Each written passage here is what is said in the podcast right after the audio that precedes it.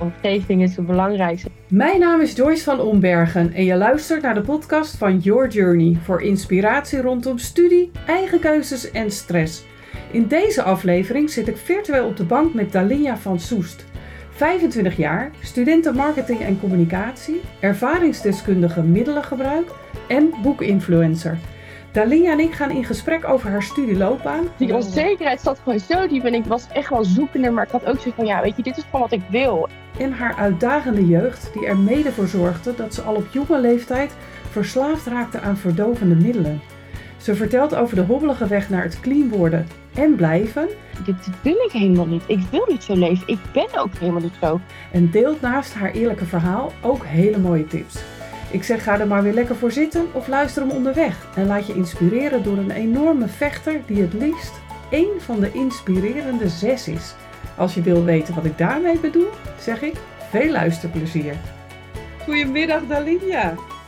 Goedemiddag. Wat onwijs leuk dat wij in gesprek gaan. En nog wel voor de podcast over een aantal bijzondere onderwerpen. Uh, en een keer niet alleen maar over boeken. Want luisteraars, Dalia en ik zijn eigenlijk vooral uh, door boeken met elkaar verbonden.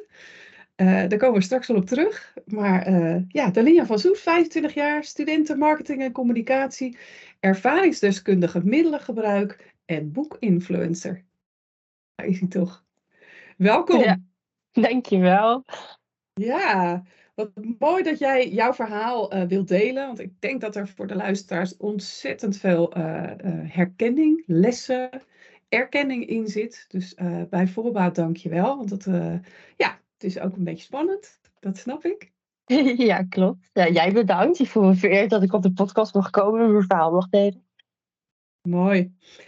Waar zullen we beginnen, Dalinja? Want eh, normaal heb ik het natuurlijk altijd over de studiekeuze, hoe dat verlopen is. Dus hè, als we teruggaan naar Dalinja van een jaar of, nou, laten we zeggen acht, negen. Wist je toen al dat je deze studie zou gaan doen, wat je later wilde worden?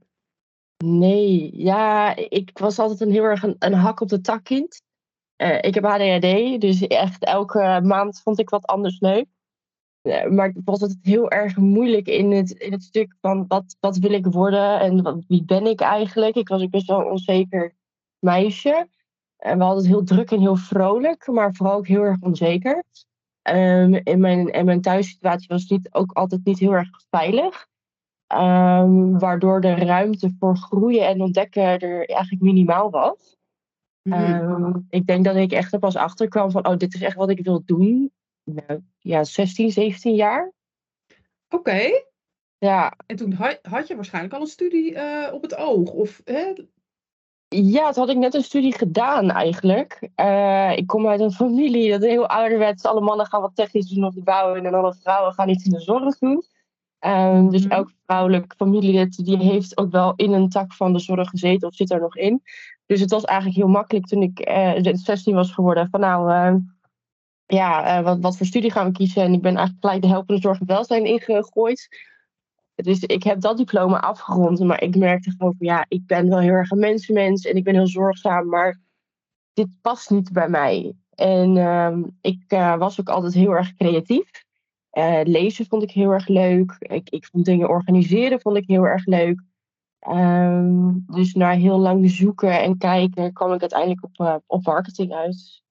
Mooi. Mooi. Ja. We gaan even een stapje terug, want jij zegt, ik voel dat dit is het niet voor mij. En dan vind ik altijd belangrijk uh, als les naar de luisteraars. Waar ontdek, hoe ontdek je dat? Hoe merkte jij, ja, maar dit past niet bij mij? Uh, ik heb sowieso in mijn stages, merkte ik gewoon heel erg qua het zorgvlak. Uh, dat ik, ik, ik hou erg van samenwerken, maar ik hou ook van alleen werken. Um, ik vind het heel erg belangrijk dat ik mijn kwaliteiten kan benutten en daarin kan groeien. Maar ook kan leren van oké, waar, waar um, ja, wat, ik vind minpunt altijd heel, een heel naar woord, dus ik zeg altijd leerdoelen. Heel goed, heel goed. Uh, ja, dat ik, die, uh, dat ik daar wat meer mee kan. En ik merkte eigenlijk dat ik juist ook door de zorg heel onzeker werd. Omdat daar is het heel nu, vooral in deze tijd, tijd is geld. En, en het was heel veel pushen, er wordt heel veel druk gelegd, vooral als je stagiair daar bent. En ik zat daar gewoon niet op mijn plek. En um, op een gegeven moment ben ik echt gaan rondkijken en toen dacht ik, oké, waar ben ik goed in? En ik vergeet nooit meer, ik had een Nederlands docent, die, dat was haar laatste jaar voordat ze met pensioen ging. eh, zij gaf op een hele fijne manier, uh, een creatieve manier Nederlands les. Omdat ze het gewoon graag wil stimuleren. Van weet je, Nederlands kan ook leuk zijn. En toen gaf ze ons een schrijf- schrijfopdracht. En er waren 15 zinnen, dan mocht je er één kiezen. En dan ging je nog een timer zetten van 20 minuten. En dan moest je vanuit die zin, moest jij gewoon uit je hoofd, maar een, gewoon een verhaal schrijven. En dat ben ik gaan doen. En iedereen moest het voorlezen. En ik durfde niet. Ja. Totdat ze Ach, zei, ja. ja, geef Ja. een papiertje maar hier. Dan, eh, weet je, dan, dan ga ik hem wel voorlezen.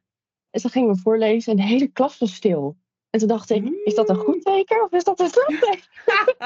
Geweldig. Ja, en op een gegeven moment zei ze ook van de Lin. Wauw. En ik dacht echt van, oh, is het zo goed? Ik wist het niet. Ik had hem zelf niet door. Omdat ik gewoon zo altijd heel erg in die onzekerheid vast zat. En eh, ja, daar is toen op een gegeven moment helemaal dat stukje van, oh wauw, ik kan het. Zeg maar, ik, ik, heb een, ik, ik ben goed in schrijven. En ik, ben, ik vind lezen leuk. En, en toen ben ik gewoon gaan kijken. Ik ben eerst bij media-redactiemedewerker terechtgekomen. Maar dat was heel veel meer journalistiek. En dat vond ik ook wel leuk. Maar dat pakte mij gewoon niet echt. En, eh, en toen kwam ik bij marketing uit. Gewoon puur door eigenlijk alles wat ik al met social media doe. En toen dacht van ja, weet je, hierdoor leer ik echt iets en op de markt zetten. Ehm, ik heb meer contact met de doelgroep. Dus ik heb ook het mens-mens stuk. Maar ik kan ook mijn creativiteit benutten in het stuk content maken, events bedenken. En eh, Ja, ja, daar zit ik nu gewoon zo op mijn plek. Dat, eh, ik ben heel blij hiermee met deze keuze. Ja, super. Ja, en even voor de beleving eh, voor de luisteraars weer. Ik ben er ook heel blij mee, want hè, wij zijn gelinkt eh, eigenlijk doordat jij mijn eerste boek ontde- eh, ontdekte. Hè. Je was voor een project Ja. van ons in, in Malaga en hoorde dat ik young adult auteur ben, of eigenlijk auteur, maar de laatste boeken waren allemaal voor young adult. En daar was jij eh hooked. Jij hebt Ja. dat boek gekocht. En ja, ben aangesloten gebleven. En inmiddels doe jij ook een heel deel van mijn boekpromotie. Dus dat is echt super tof om dan te zien dat die keuze en eigenlijk vanuit die Nederlandse les je je weg aan het vinden bent in dit vak. Want dat, dat vraagt een Ja. heleboel dingen. En Het vraagt menskennis, het vraagt eh, eh, communicatieskills, het vraagt eh, goede kennis van de Nederlandse taal, creativiteit. Dus alles wat je net noemt, komt hierin samen. Dus, en dat doe je fantastisch. Dus dat is echt heel erg leuk. Ja, Ja, mooi. Hey, en heb je bij die keuze, los van juffrouw, hoe heet ze? Wil je nog een shout-out naar haar doen? Poeh, zo, dat is wel echt even heel lang geleden. Dat is het erg. Ik ben helemaal niet zo goed met docentennaam. Dat geeft niet. Wie weet luistert ze zij- weet ze het Ja, wel. ja, precies. Ja, nee, zij was wel echt een van de docenten die, eh, die echt in mij geloofde. En dat, eh, Ja. Ja, dat, dat zou ik haar altijd eeuwig, eeuwig dankbaar zijn. Als ik er zeg maar zo zien lopen op straat, denk ik, oh ja, ja dat is het Ja, er. mooi. Fantastisch. ja, Ja, dat, ik zeg het bewust omdat mensen gewoon zoveel impact op je kunnen maken met nou soms ogenschijnlijk hele simpele dingen. Een oefening, een opmerking, een vraag. Ja, je maakt gewoon impact op een andermans leven. Naast die juffrouw, zijn er nog mensen geweest die jij om hulp gevraagd hebt? Of eh, ben je zelf helemaal het proces ingegaan van welke studies zijn er? Wat was je plan van aanpak? Ik heb het voornamelijk heel veel zelf moeten doen. Ook omdat, eh, nou ja, geen hard feelings naar mijn familie, maar die is heel moeilijk in het zich openstellen. Die is heel ouderwets daarin. Eh, en dat is niet erg natuurlijk. Ehm, maar ik had echt van, ja, dit wil ik doen. En, en heel veel mensen zeiden, ja, maar moet je dat wel doen? Want het is best wel een risico. Zoals je er geen werk in, weet je, met alle dromen die jij hebt. En heel erg dat, dat, ja, ik vond hem heel erg tegengehouden. En toen ben ik echt wat mensen in mijn omgeving op gaan zoeken waarvan ik gewoon wist, oké, die denken een stuk vrijer. En die, die zullen dat niet afkappen. En toen had ik eh, de beste vriendin van mijn moeder. Daar heb ik een heel fijn gesprek mee gehad. Zij is ook naar haar dochters altijd heel vrij geweest. En ik dacht, oké, zij is ook een persoon met wie ik dit aan kan gaan. En dit gesprek. En ik legde dat ook bij haar neer. Weet je, ik wil het eigenlijk heel graag doen. Wil stoppen in de zorg, weet je. Ja. Waarom, geef me een reden waarom ik het niet zou moeten doen, zeg maar. En zij gaf me er gewoon tien om het wel te doen. En toen dacht Oh, ik, fantastisch. ja, Love toen dacht that. ik, oké, ik ben niet gek. Ik kan het gewoon Nee. doen. Omdat dat Oh, echt, die onzekerheid zat gewoon zo diep. En ik was echt wel zoekende. Maar ik had ook zoiets van, ja, weet je, dit is gewoon wat ik wil. En Mm. ja, why not? En Mhm. ja, ook weer door de opleiding. Ik moest toevallig, gisteren moest ik mijn, mijn leerloopbaan eh, portfolio moest ik afmaken. En daar werd dus ook gevraagd van, wat heb je geleerd in de, in de tussentijd in je opleiding? En dat was ook het stuk dat ik heel erg mezelf heb kunnen vinden. Zowel in de privésituatie, maar ook tijdens mijn studie. Ik heb ook docenten die echt vanaf dag één zo in mijn motivatie geloofden. En ook Mm. al was ik niet heel goed in bepaalde vakken, die deden echt alles gewoon ervoor dat ze zeiden: jij gaat dit papiertje ga jij gewoon volgend jaar halen. En ehm, ja, ik ben gewoon heel blij dat ik ook mezelf daarin wat meer uh, heb mogen pushen in mezelf. In plaats van mezelf in die comfortzone houden. Maar ook het project in Malaga heeft me ook heel erg geholpen. Want ik was echt het eerste jaar nog wel eens van. Ik had een goede keuze gemaakt. Weet je, zit ik hier wel goed? Moet ik niet een andere creatieve opleiding gaan kiezen? Sommigen zeiden, misschien moet je een CIBAP. Toen dacht ik, ja, dat weet ik ook niet. Nee. Dus nee, nu achteraf gezien en ook alles wat ik in de opleiding qua de hele project in Malaga, de, de meest geweldige docenten op landsteden die ik heb, um, ja, ben er alleen maar meer dan, dan dankbaar voor eigenlijk. Ja, fantastisch. En jezelf, want jij hebt die keuze gemaakt. Ja, weet je? Uiteindelijk doe je het allemaal zelf en al die mensen mogen een stukje met je meelopen. En fantastisch ook dat je het toelaat, want uh, dat is nogal een ding onder jongeren, hulp vragen of hulp accepteren. Dat is best een ding. Nou, met ja, studiekeuze klopt. en met uh, je opleiding volgen lukt dat goed. Als we ja. het over de andere vlakken hebben, want ja, dan komen we toch op uh, hoe is Dalinja met middelengebruik begonnen? En kun je ons, ja, kun je ons meenemen, wat, wat, wat gebeurt, hoe is het ontstaan en, en welke middelen? Want ik denk dat jongeren soms ook denken, huh, middelengebruik, wat valt daar allemaal onder? En ben ik dan ook daarmee bezig? Ben ik ook ja. diegene? Ja, middelengebruik uh, wordt heel breed gezien.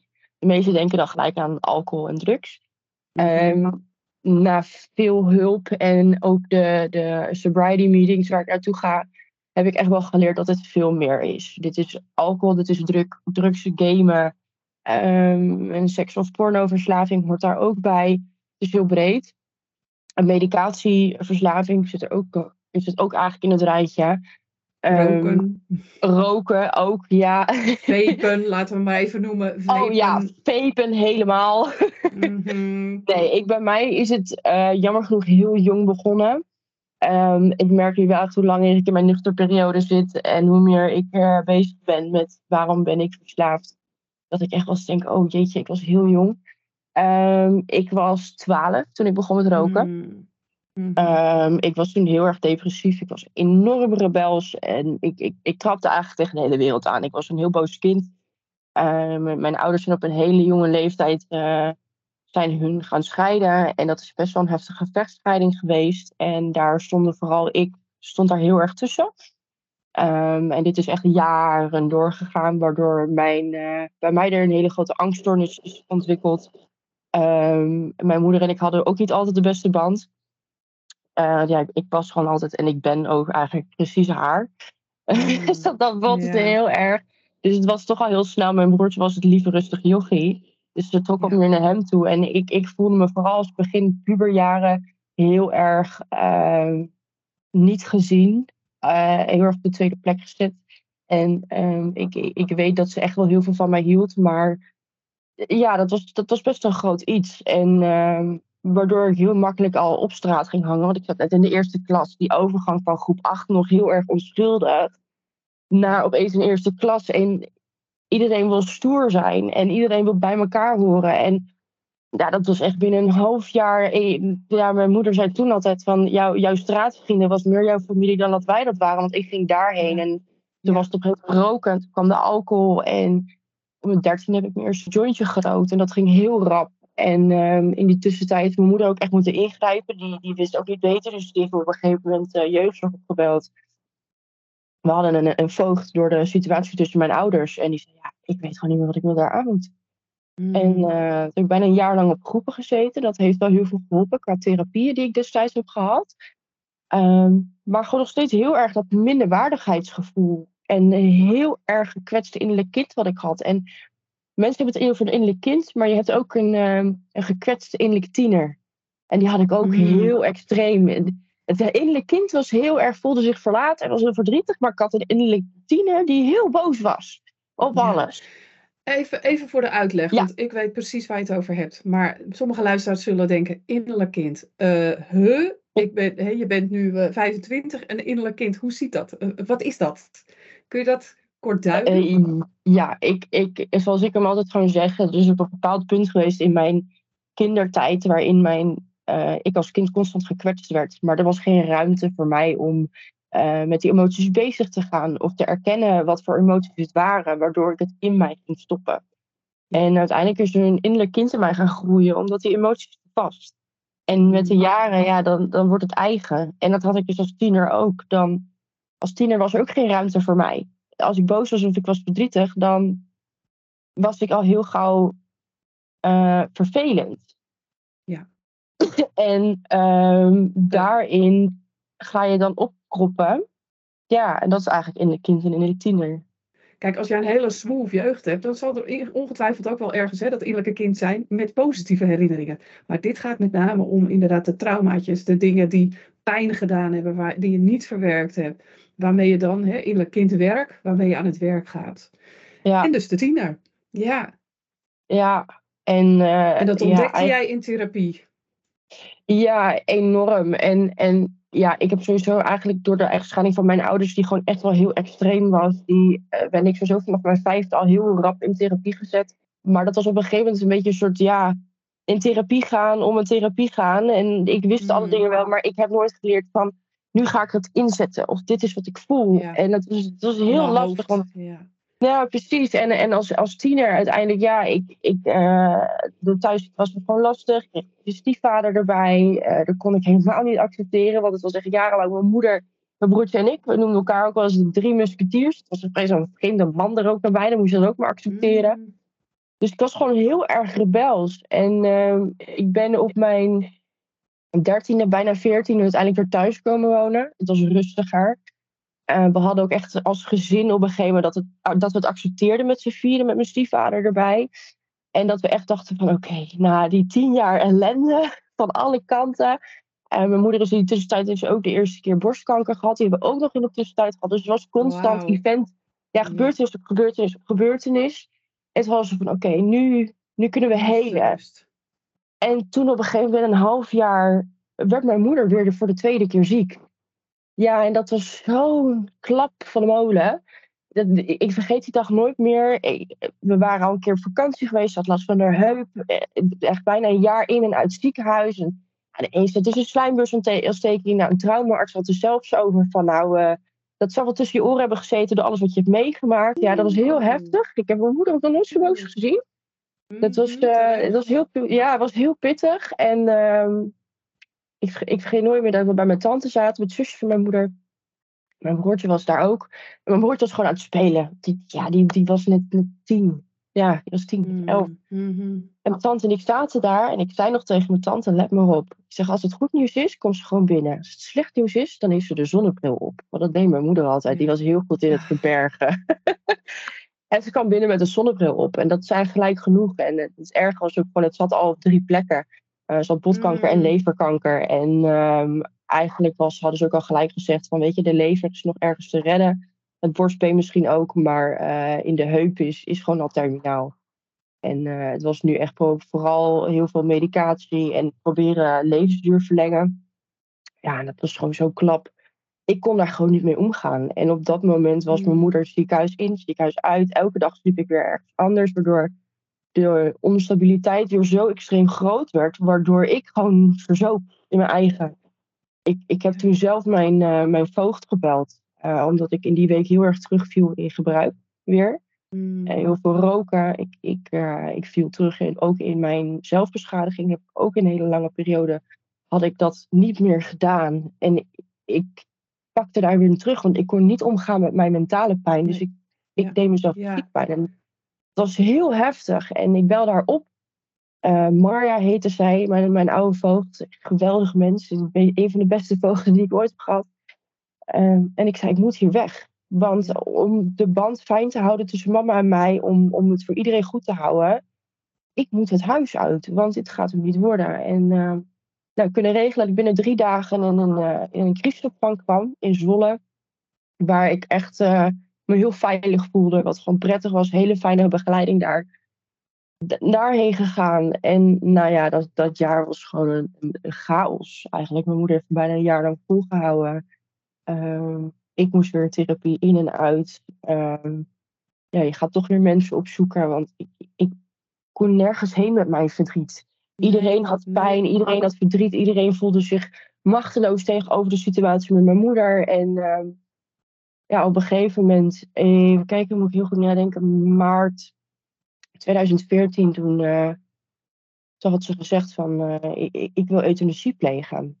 Want okay. ze had elke chemo gedaan, elke bestraling had ze geprobeerd, elke medicatie. Mm -hmm. Zelfs van die trials had ze meegedaan. Van weet je, misschien is dit nieuwe, werkt het wel.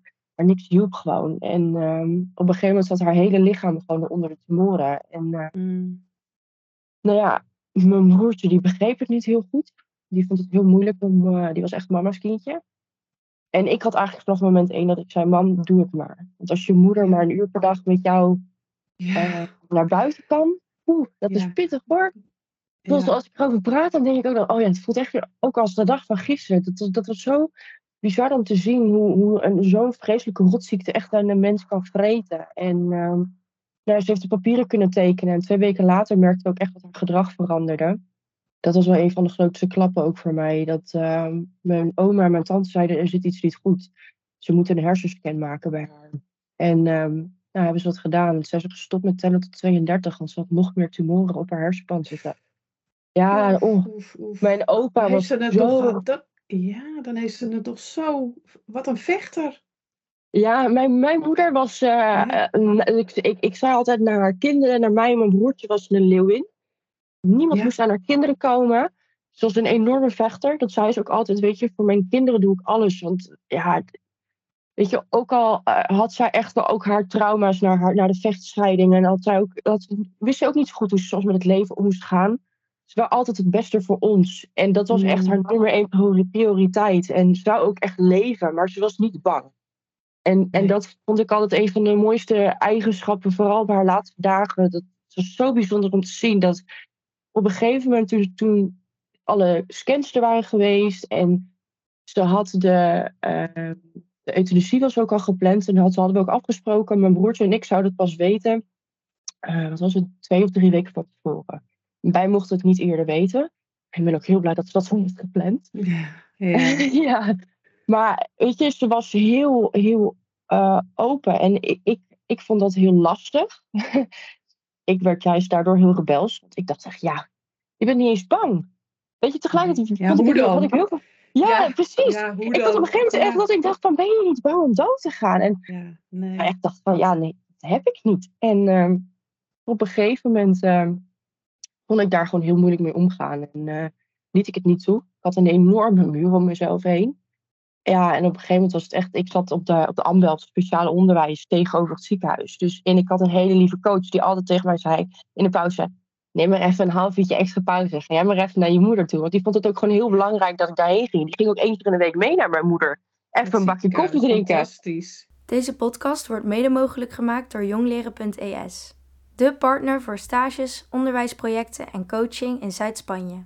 Ja, ja, dat was echt super. En, uh, maar dan kwam ik binnen en ja, ze wist haar, haar einddatum. Dus ze was, heeft ook haar hele begrafenis. Alles heeft ze gepland. Zelf geregeld. Ja, en ik, dan kwam ik binnen en dan zei ze: Oh, Zelin, het liedje horen over welke, jullie, met, welke ik aan ga doen, zeg maar. Of jullie aan gaan doen wanneer je opkomt met de kist. Dat ik echt dacht: Oh, nee. Weet je, het was alles ging daarom. En ik, ik voelde niet meer dat ik dacht, oh, we kunnen hiermee bezig. En uh, ik weet no vergeet nooit meer dat er op een gegeven moment een avond is geweest dat wij met allemaal vrienden samen waren.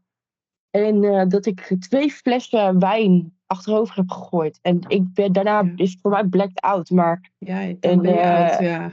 Ja, en op een gegeven moment was er een vriend van mij en die zei ook van de Lin, jij hebt de hele nacht, was, je was heel erg ziek van de drank, maar je hebt alleen maar liggen huilen. Je hebt alleen maar liggen huilen om je moeder. En uh, ja.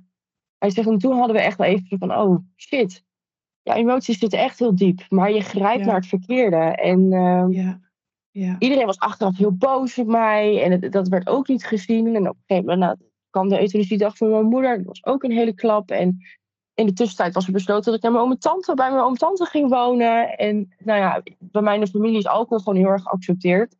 Uh, in, in menige families eigenlijk, en zo nou, in onze maatschappij. In de samenleving nogal. Ja, ja precies. Ja. En ja. Uh, ja, in de tussentijd gebeurden er ook weer van allemaal dingen, waardoor ik uiteindelijk, ja, heel erg. Uh, ja, ik zat het liefst in het weekend gewoon lekker met mijn boekje op de bank bij mijn tante. Met een drankje. ja. ja, nou, e-, eerst was het niet zozeer met een drankje, want ik merkte echt toen ik 16, 17 werd dat ik dacht van, oh, weet je, ja, ik vind de, de spanning opzoeken heel erg leuk. Maar ik vind het eigenlijk ook wel heel fijn dat ik heel erg meer toetrok naar mijn introverte ik, zeg maar mijn echte ik Mhm. eigenlijk. En ehm, dat ik op een gegeven moment echt door omgeving heel erg aangesproken werd van ja, maar je bent maar een rare puber. Want welke puber gaat er nou in de weekenden en de vakanties op de bank zitten bij hun ouders? Weet je, nou ja, mijn oom en tante dan. Ja, Terwijl Ja. jouw gelegenheidsgenoot gaan suipen en ik feesten. En ik voelde er daardoor nog meer dat ik dacht, oh, maar ik doe het Ja. verkeerd. Ik ben niet goed. ja. Dus toen, wat deed ik toen? bizar, hè? Bizar. Ja, en toen ging ik juist alleen nog maar meer de stad in. En dat ging even van één dag in de week. Op een gegeven moment waren dat drie avonden in de week. Ja, en toen eh, kreeg ik mijn eerste vriendje. En dat, dat ging na drie jaar, ging dat op een hele ongelukkige manier ging dat uit. Nou, toen op een gegeven moment stond ik echt bijna elke avond in de stad. Eh, toen was het op een gegeven moment, ging ik experimenteren, ging ik uit huis voor de eerste keer. En eh, toen was het op een gegeven moment blowen. Nou, dat, dat ging één van één keer in de week. Was het op een gegeven moment naar dagelijks. Eh blowen werd op een gegeven moment echt mijn hoofdmiddel. En ehm, toen was het op een gegeven moment, nou, dan ga je naar andere feestjes, naar huisfeestjes. Toen kwam corona. Nou, toen was het, laten we Ja. harddrugs gaan proberen.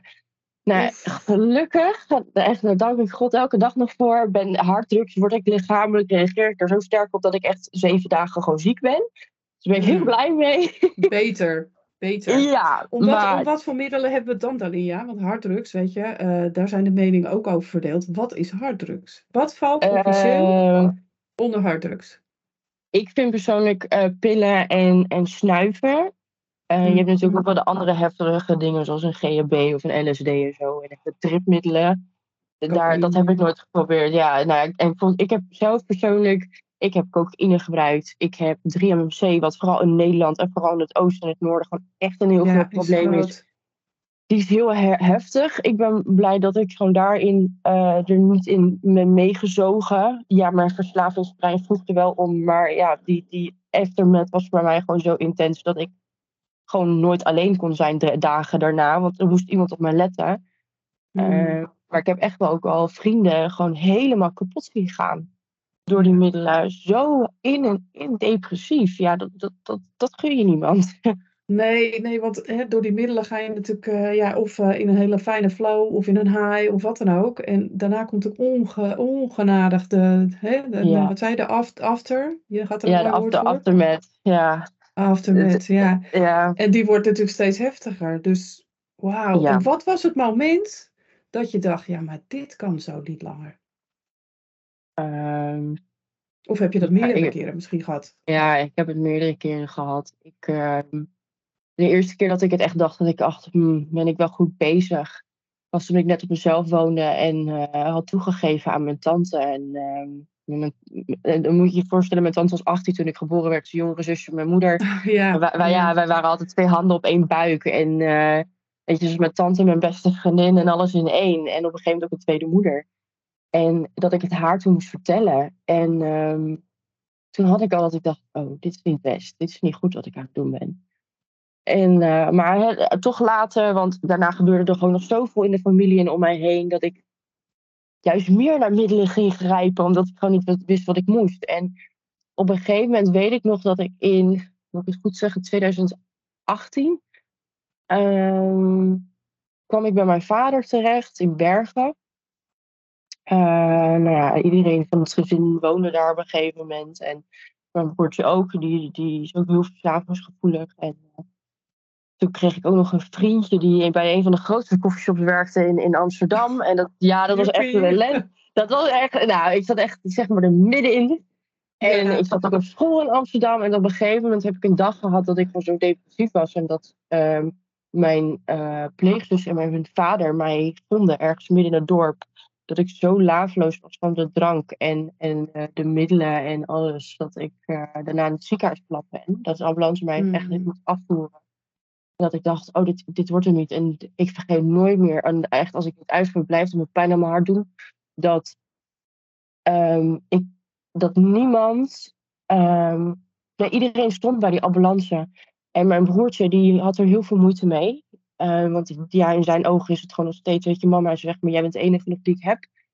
En Grote ehm, zus. Ja. ja, en ja, soms nu tegenwoordig is hij meer een soort grote broer geworden. Dus hij zo klein is hij.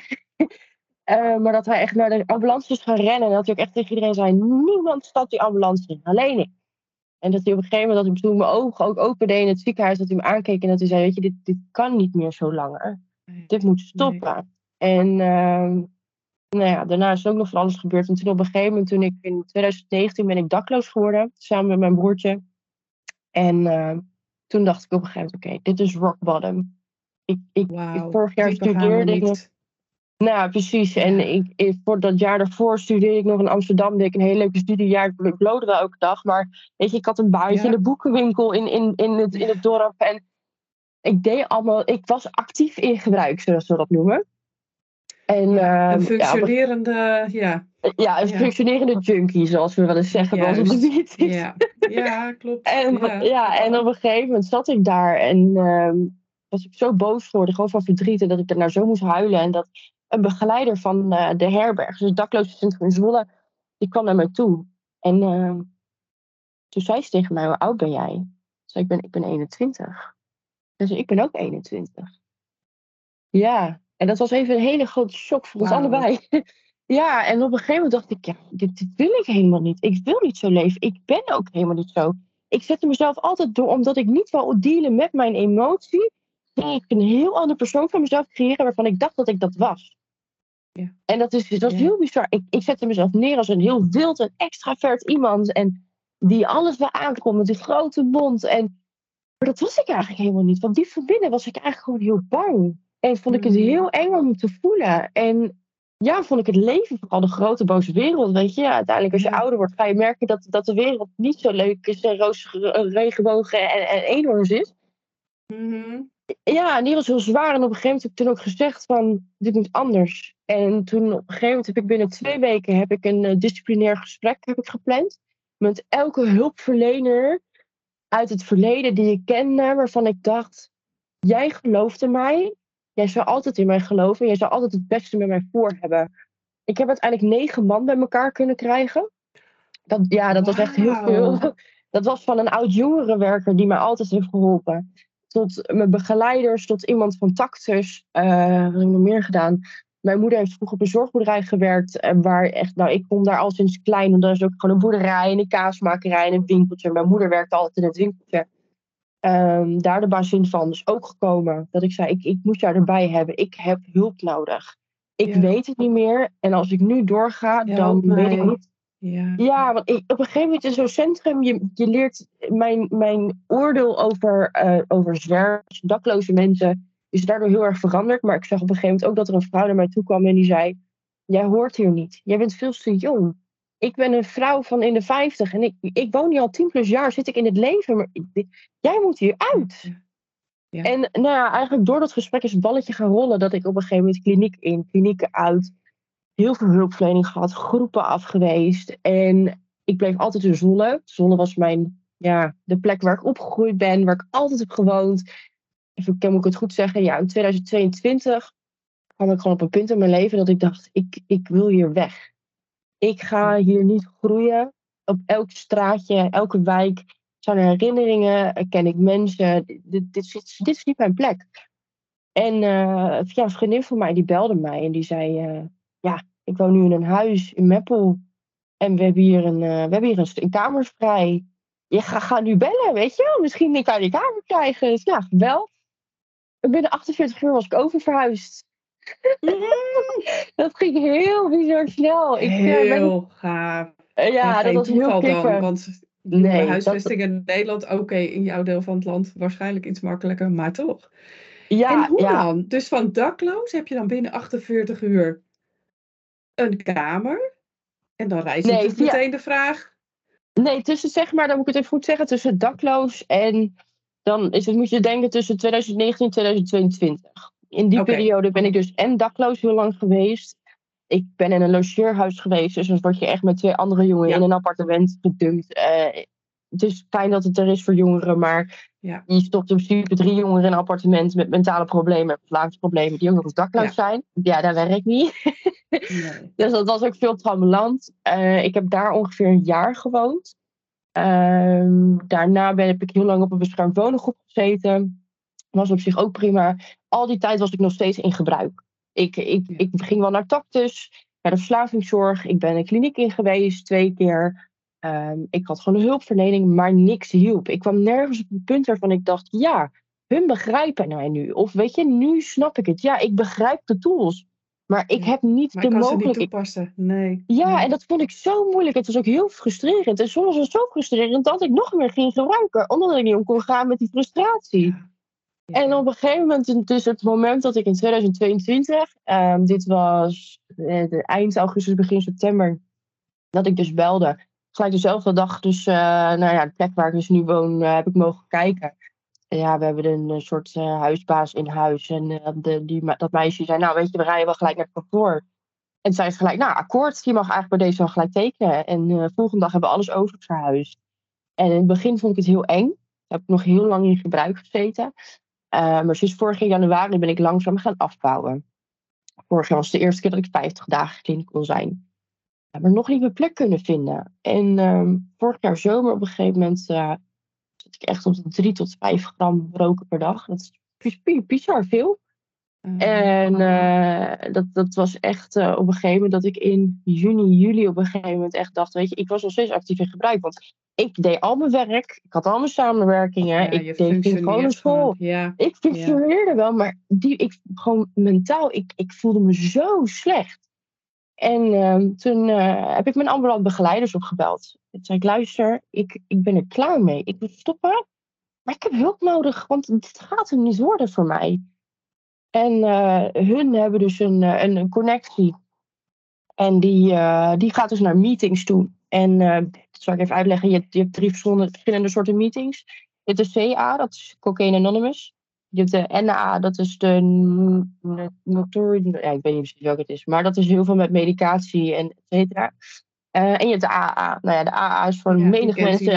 ja, die kent Anonieme iedereen. alcoholisten. Ja, uh, ja precies. En uh, dus ik zei, zei ze, nou weet je, we kunnen daarheen. Uh, gelijk de eerste beste dinsdag konden we daarheen. Ja, is goed, gaan we er wel heen. En was zo, zo zenuwachtig. Want ik dacht, ja, wat moet ik verwachten? En ik zat daar de eerste keer en nou ja, er worden kaarten opgelezen. Mensen gaan sharen. En ik had echt de eerste keer dat ik dacht, nou, wat voor zweverig gedoe is dit? Weet je, ik zag het ja. helemaal niet meer. Hallo, ik ben die en die. Ik ben ja. alcoholist. Precies zoals je het in de film Ja, precies. ziet. Ja. ja. je zit daar echt en het is, nou, ik ben Dalinja en ik ben verslaafd. En ik vond het begin okay. zo. En op een gegeven moment, nou, mijn eerste keer geweest, um, de tweede week, uh, toen had ik mijn huisgenootje gevraagd, wil je mij brengen en halen? Want ik vind het toch nog heel erg eng. Echt met, nou, met knikkende knieën en tranen over mijn wangen ben ik daar naartoe gegaan. Er is altijd een greeter. Dat is heel fijn. Dus diegene had me ook opgevangen. En uh, ja, eigenlijk sinds die dag ben ik er gewoon niet meer weggegaan. En gisteren ben ik dus ook, was ik vier maanden clean, officieel. Van zowel de alcohol als de Ja. drugs. En uh, Fantastisch. ja, mijn leven is gewoon veranderd. En ik, ik, ik maakte daar van de week nog een geintje over. Dat ik zei, zo bizar dat er zoveel hulpverlening is. En het is heel fijn. Um, maar er worden soms tools gegeven. In de kliniek leerde ik gecontroleerd gebruiken. Oh, dus Oh, ook al had ik zucht, weet je wel. Nou, dan Ja, neem je maar een ja, tientje mee in plaats van je pinpas. Dus ik zei, je zegt gewoon dat ik mag gebruiken. Terwijl, weet je, dat een groep lotgenoten, een stelletje gekken bij elkaar, met allemaal nog geen grotere rugzak dan de ander, Ja. dat dat helft. werkt. Ja, Ja. dat is zo'n Ja. bijzonder iets. Ja, dat is heel interessant. Want Talia, wat, wat maakt dat dit zo goed werkt? Want het is natuurlijk al, het bestaat al jaren. Ja. En wat, als je nou drie, drie dingen zou kunnen noemen uit dit soort hulpverlening, hè, het, het, eh, naar die meetings gaan. Wat, je mag er ook meer hoor. Maar wat zijn Ja. nou echt van die pijlers waarvan je zegt, ja, werkt Ehm, het. Ik denk sowieso, wij zeggen altijd eh, fellowship, 12 stappen programma en, eh, en een sponsor hebben. Dat dat echt een beetje de, de, de, de pilaren zijn van je herstel. Ehm, fellowship wordt dan gewoon gezegd, ja, wij onderling onder elkaar. Eh, wij zeggen ook altijd, heb je het moeilijk of heb je gewoon, maar niet uit of je een goede of slechte dag hebt, ga je fellows bellen. Ehm, ik, ik bel ook dagelijks met mijn fellows. Dit is gewoon heel fijn, we spreken ook af. En fellows, eh, dat zijn mensen die ook gebruiken. ja, dat zijn allemaal mensen binnen het programma. En die allemaal eh, in, her, in herstel zijn. En, Herstel zijn. Of ook gebruik, ja. zeg ik verkeerd. Dat zeg ik verkeerd. In herstel zijn. Ja. ja. En weet je, de, ja, je hebt elke keer weer mensen die zijn net een dag clean. Maar je hebt ook mensen die 10 plus jaar clean zijn en nog steeds elke week komen. En het is ook heel erg gewoon weten, weet je, verslaving is een ziekte. Je kan niet zeggen, weet je, ik kan nu zeggen, oh, ik ben clean. Maar als ik vijf jaar clean ben, kan ik niet zeggen, ah, ik ga weer even een wijntje drinken. Of ik ga nu wel even een jointje roken. Ja. Ja, weet je, ik kan Ja, het niet ja. bijeenhouden.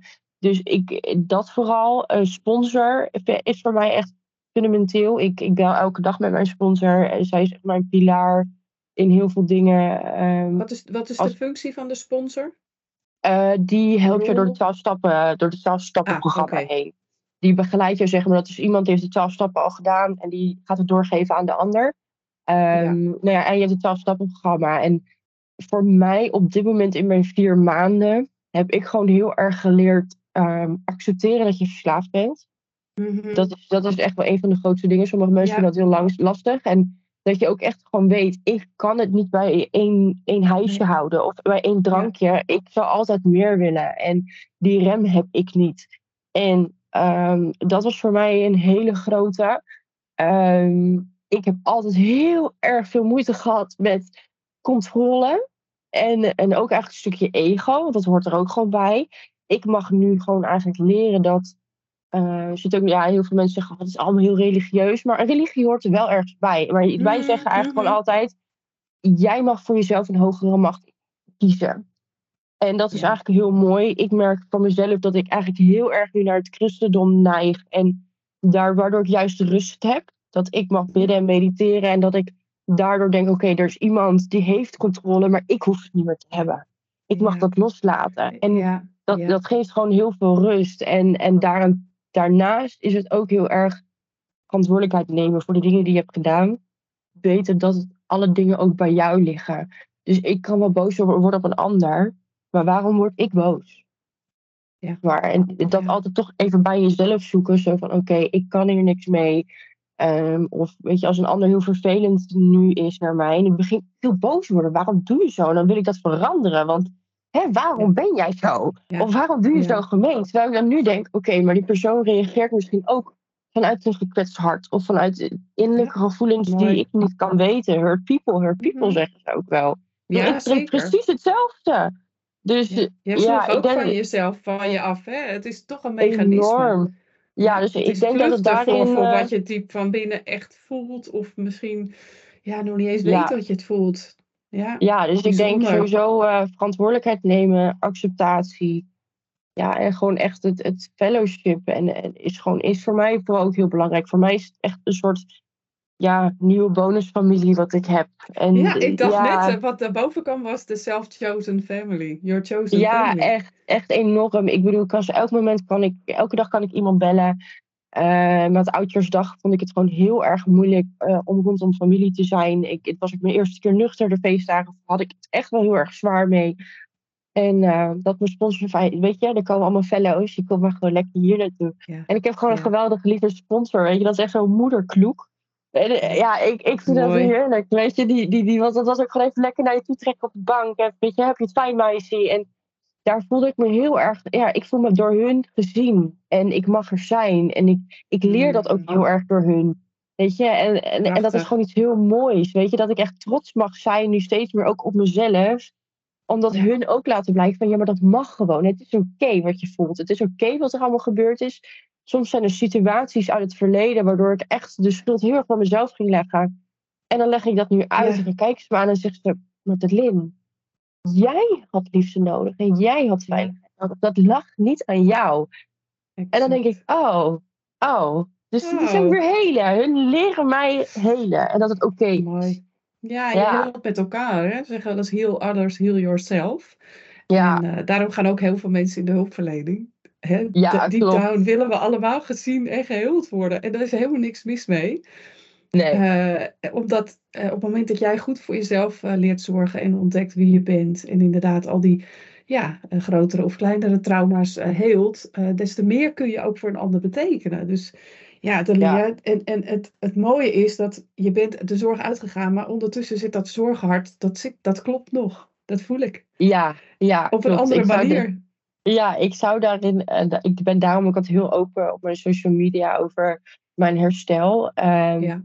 En Ja, we gaan zo je kanaal even noemen. Ja, ja echt. En uh, ja, ik, ik wil daarin gewoon heel erg de boodschap doorgeven. Dat sowieso, het maakt niet uit wat je in je leven hebt meegemaakt. Ik ontmoet ook jongeren, volwassen mensen die helemaal heel weinig in het leven hebben meegemaakt, maar gewoon heel erg mentaal of, of gewoon die van binnen struggelden en daarom verslaafd zijn. Maar ik wil gewoon doorgeven, weet je, alcohol en drugs is gewoon niet de oplossing. En weet je, ook al wordt het nu zo eh, door de samenleving wordt dat geaccepteerd. Weet je, je wordt eerder raar aangekeken als je geen drankje neemt. En dan dat je, dat je bent, maar je bent leuker als je opeens drinkt. En dat ik denk, nee, het leven zonder al die dingen is ook hartstikke mooi. Ik kan oprecht zeggen dat een leven zonder middelen tien keer mooier is. en ja, je, je hebt de strijd, maar het is het waard, echt. Ja, mooi. Mooie boodschap, uh. Ja, ik, uh, ik ben het met je eens. Ik heb ook uh, genoeg drankjes gehad in mijn leven. En sinds, nou, juni wordt het vier jaar. Dus drieënhalf jaar drink ik niet meer. En ik dronk echt door de week amper. Dus om te zeggen dat ik verslaafd was. Maar ik, ik merk gewoon, zonder is, ik, ik taalde niet meer naar. Het is echt, dus ik, ik heb daar mazzel mee, dat weet ik. Het is niet iets wat aan me trekt. Maar sociaal gezien, ja, dat is inmiddels wel geaccepteerd. Maar in het begin ook, maar doe niet zo gezellig. Joh, één drankje kan toch wel, weet je wel. Ja. En, en ik zeg nooit nooit, uh, want ja, wie weet. Maar ik, ik heb ook heel sterk het gevoel van nee, het is gewoon oké. En het leven is prachtig zo. En volgens mij ben ik best gezellig zonder drank. En dat geloof ik bij jou ook helemaal. Zeker. Ja. ja. Dus ja, als je luistert en je denkt, ja, ik weet niet of ik hè, verslaafd ben. Uh, waaraan, wat is de, maat, uh, de maatstaf, zeg maar? Wanneer word je, nou ja, wanneer geldt het als verslaving? Is daar überhaupt een definitie voor? Ja, sommigen zeggen heel erg, de definitie ligt dan gelijk op ja, elke dag. En, maar het verschilt ook. We hebben ook mensen die alleen maar in de weekenden of die echt een bepaalde routine erin hadden. Um, maar persoonlijk, ook met alle lessen en alle info die ik heb meegekregen de afgelopen jaren, is gewoon als je zo vast zit in die obsessie en die, om die waanzin van, van middelen. En zeg maar, bijvoorbeeld als je nou kijkt naar de alcohol en jouw vrienden kunnen gezellig een paar drankjes doen en die zijn wel hartstikke van de kaart. Maar jij moet echt gaan totdat je nog in die blackout ergens op de straat mm-hmm. ligt. En dan moet je mm-hmm. jezelf even afvragen van is dit wel oké? Okay? Zelfs vind ik dat met blowen. Ik, ik, ken, ik ken mensen om me heen die kunnen een jointje roken. Ik haalde gelijk meerdere grammen en kon jointje naar jointje naar jointje draaien. En dan was het soms nog niet genoeg. Ja. Zeg maar, je wil altijd meer. Dus wanneer die craving van meer willen en de waanzin en, en de obsessie groter is dan jouw ja, dan jouw wilskracht, ja, dan zegt dat eigenlijk dan al weet je eigenlijk al dat het, uh, niet, ja, dat het niet goed is. Nee. Ja, en ik heb ook gewoon heel veel mensen, weet je, zoals ik ook altijd heb gehad, heel erg een, een, ja, functionerende junkie en een, een, heel erg mhm. actief gebruik. Ja, ook al, weet je, ik heb het in mijn omgeving ook hoor ik mensen, ja, maar ik ga gewoon naar school, ja, maar ik werk gewoon, ja, maar weet je, ik, ik, ik heb gewoon een eigen huis en ik, heb, ik zorg ervoor dat ik mijn eigen dak boven mijn hoofd heb. Dat maakt niks uit, want als jij je mentaal niet, niet lekker in je vel zit, of je krijgt hierdoor schulden, of je krijgt uh, andere mhm. problemen om je heen, dat je dat zegt gewoon al genoeg. Ik, ik bedoel, ik had op een gegeven moment in gebruik, ik bouwde schulden op. Ik, uh, ook natuurlijk door dakloos zijn, toen was het helemaal extreem. Uh, weet je, en ik mag nu zeggen van oké, ja, er staat nog wel een beetje, maar ik ben nu heel hard bezig met mezelf, waardoor ik ook merk dat die schulden opeens een heel stuk minder worden. Weet je, ik heb een bewindsvoerder en daar hebben we gewoon een heel fijn plan mee, waardoor ik nu ook mag leren omgaan met mijn financiën. Maar ook fysiek. Ik, ik zat zo zwaar aan alles dat ik echt maatje 34, 36 had. En dat is niet erg, maar ik ben best wel lang. Ik ben 1,80. Ja. En op een gegeven moment zat het bij mij echt tegen het randje aan. Ja. Ja, en dan op een gegeven moment mensen echt dachten van, we moeten wel eens heel erg gaan maken dat je niet ook ineens voor ons aan het vormen bent. En dat ik zei, nou nee, helemaal niet. Maar ik, ja, het, kan niet aan. het doet natuurlijk van alles met je, met je lijf, met je systeem. Ja, dus ik heb nu juist de mensen die zeggen van, oh, je wordt nu wel heel zwaar. Ik zeg, ja, maar dan moet je je wel voorstellen dat ik jaren in gebruik heb gezeten en heel ongezond ja. leven. Dus ja, eigenlijk, ik, ik vind vooral die waanzin, die obsessie en gewoon weten van ik kan het niet bij één houden. Ik moet door. Ja. Het klinkt ook alsof je enorm tijd overhoudt als, het, als je niet gebruikt. Want hè, zorgen dat je het krijgt, dat je het haalt, dat je er constant mee bezig zijn. Is dat zo? Dat je dan in één keer. Ja, En, en nee. nee. Um, ik gebruik, ik heb mijn dingen. Maar op een gegeven moment ging ik bijvoorbeeld ik ging niet meer zoveel sporten. Want gebruiken was belangrijker heel veel sociale contacten buiten, buiten mijn gebruikersvrienden Mm. om werden minder, want gebruiken was belangrijker. Ehm, ik heb echt wel vakanties gehad dat iedereen gezellige dingen ging doen en dat ik nee zei. Dat ik echt in mijn donkere kamertje zat en de hele dag aan het blowen was. En op een gegeven moment was het echt wel dat ik dacht: oké, dit, dit, dit kan niet meer. Nee, is niet. En, maar tegelijkertijd ben ik nu eigenlijk drukker dat ik ooit in actief Sociaal- gebruik was. Ja, Ja, ja, enorm. Als ik nu Ja. ik bijvoorbeeld, ja, ik, ik heb geen gebruikersvrienden meer. Ik ga natuurlijk niet meer uit. Ik, ik gebruik niet meer. Dus daarin, ja, ik heb heel veel tijd over. Maar ik heb nu heel veel ruimte voor de dingen die ik leuk vind. Weet je, ik heb een hele leuke samenwerking met jou. Ik heb, Ja. ik heb nog een andere samenwerking op dit moment liggen. Ik, ik, ik, ben, ik kan lekker bezig met school. Eh, ik heb een geweldige, lieve boekencommunity op kunnen bouwen met heel wat mensen op TikTok. En weet je, we hebben nu een groepsapp. We gaan elke avond bijna live met elkaar. En nou, dan zit je zo ook alweer drie, vier uur gezellig samen te lezen. Dus de tijd is echt wel opgevuld. Ik heb soms dat ik Ja. denk, heb ik ook nog een keer een hele dag gewoon alleen? Weet je wel, voor mezelf. ja, daar ben je zelf verantwoordelijk voor, hè? Ja, maar ik vind deze dingen geven me zoveel energie en liefde. En ja, en ja mooi. Ja, en, en ja, het is natuurlijk heel erg eh, en fantastisch. En gefeliciteerd, Alinea, want dat is natuurlijk eh, ook weer jouw verdienste. Natuurlijk met hulp, maar jij doet het. En Ja. het is natuurlijk heel, heel bijzonder dat eh, wat je nu uit je community haalt, uit je eh, samenwerking, uit het lezen. Weet je, het, het- je kan het niet één op één vertalen, maar ergens heb je natuurlijk behoefte aan iets. Dus wat, wat Ja. is zeg maar eh, de, de, de grootste behoefte die eronder heeft gelegen, die nu ingevuld wordt door al die mooie dingen en die je toen eigenlijk ja, eh, wegduwde of verdoofde? ik denk ehm, gezien worden en, eh, en verbinding. Mhm. Ik, eh, ik, ik, ik train sinds vorig jaar, doe ik ook bijvoorbeeld aan kickboksen en muay thai. En dit is even een kleine side story, maar dit is echt wel een van de dingen waarvan ik denk, wauw, ja, dat heeft ook heel veel impact geleverd op waar nu, nu, waardoor ik nu begrijp wat hij altijd tegen mij zei. Ehm, ik, ik zit dus bij een Muay Thai kickbox eh, school hier in Meppel. En ehm, daar de eigenaar en trainer daarvan, die, eh, die nam mij voor het eerst in training in de groepslessen. En die zei, jij mag hier blijven trainen zolang jij nuchter blijft. Die was heel lastig, want heel gauw daarna viel ik al terug. Maar hij zei altijd, omgeving is een van de belangrijkste dingen Ja, ja. eh, om jou heen. En ik kwam altijd aan dat ik gewoon boos was op mijn familie. Of ik was boos op deze vrienden. Ik was Ja. heel erg verdrietig hierom. En dat hij dit alleen maar zei met de Lin. Hoe moeilijk ook. Het maakt niet uit. Het is jouw leven. En dat ik alleen maar, ja, maar. Weet je, dat ik helemaal... En toen dacht ik, ja, maar je snapt het niet. Weet je, dat ik helemaal zo... En Ja. nu, zeg maar vorige maand, toen ik mijn 90 dagen mocht ophalen, die voor mij, ik heb de hele dag alleen maar zitten huilen, want ik heb nog nooit mijn 90 dagen gehaald. Helemaal niet clean van Wat alles. krijg je dan, Dalinja? Even, even voor Een de muntje, luisteraars. Een muntje, ja. Ja, ja, dan krijg je een mooi. muntje. En eh, ja. Ja. toen op een gegeven moment, eh, hij zag dus via de, we hebben een WhatsApp groep eh, met wat mensen. En eh, hij zag daarin met trainen dat ik dus 90 dagen clean was. En ook dat ik heel graag gewoon weer terug wil komen met trainen. En zei hij, weet je wat Elin, je mag terugkomen. En hij zegt, en ik heb gewoon een cadeautje voor jou. Hij zegt, jij mag een jaar lang gratis groepslessen gaan volgen bij mij bij de, bij de gym. Ter motivatie, ja, ik heb echt de hele dag alleen maar weer nog meer gehuild. Uh, voor, de, ja, voor dit hele jaar. En als motivatie om nog meer clean te blijven. Hij zegt, ik ben ervan overtuigd dat jou goed komt. En toen zei hij, ja. zei het toch? Omgeving is het belangrijkste. En toen dacht Alles. ik, ja, ja, dat is het ook. Ik had heel veel, ook de mensen met wie ik opgroeide. Um, en, ik voelde me nooit gezien of geaccepteerd. Of dat ik goed genoeg was zoals ik ben. En ik denk dat dat een van de grootste dingen was. Dat ik nu heel veel mensen heb gevonden die mij wel zien. En mij wel accepteren. Ja. En ook vooral er is een, een, een fit-influencer.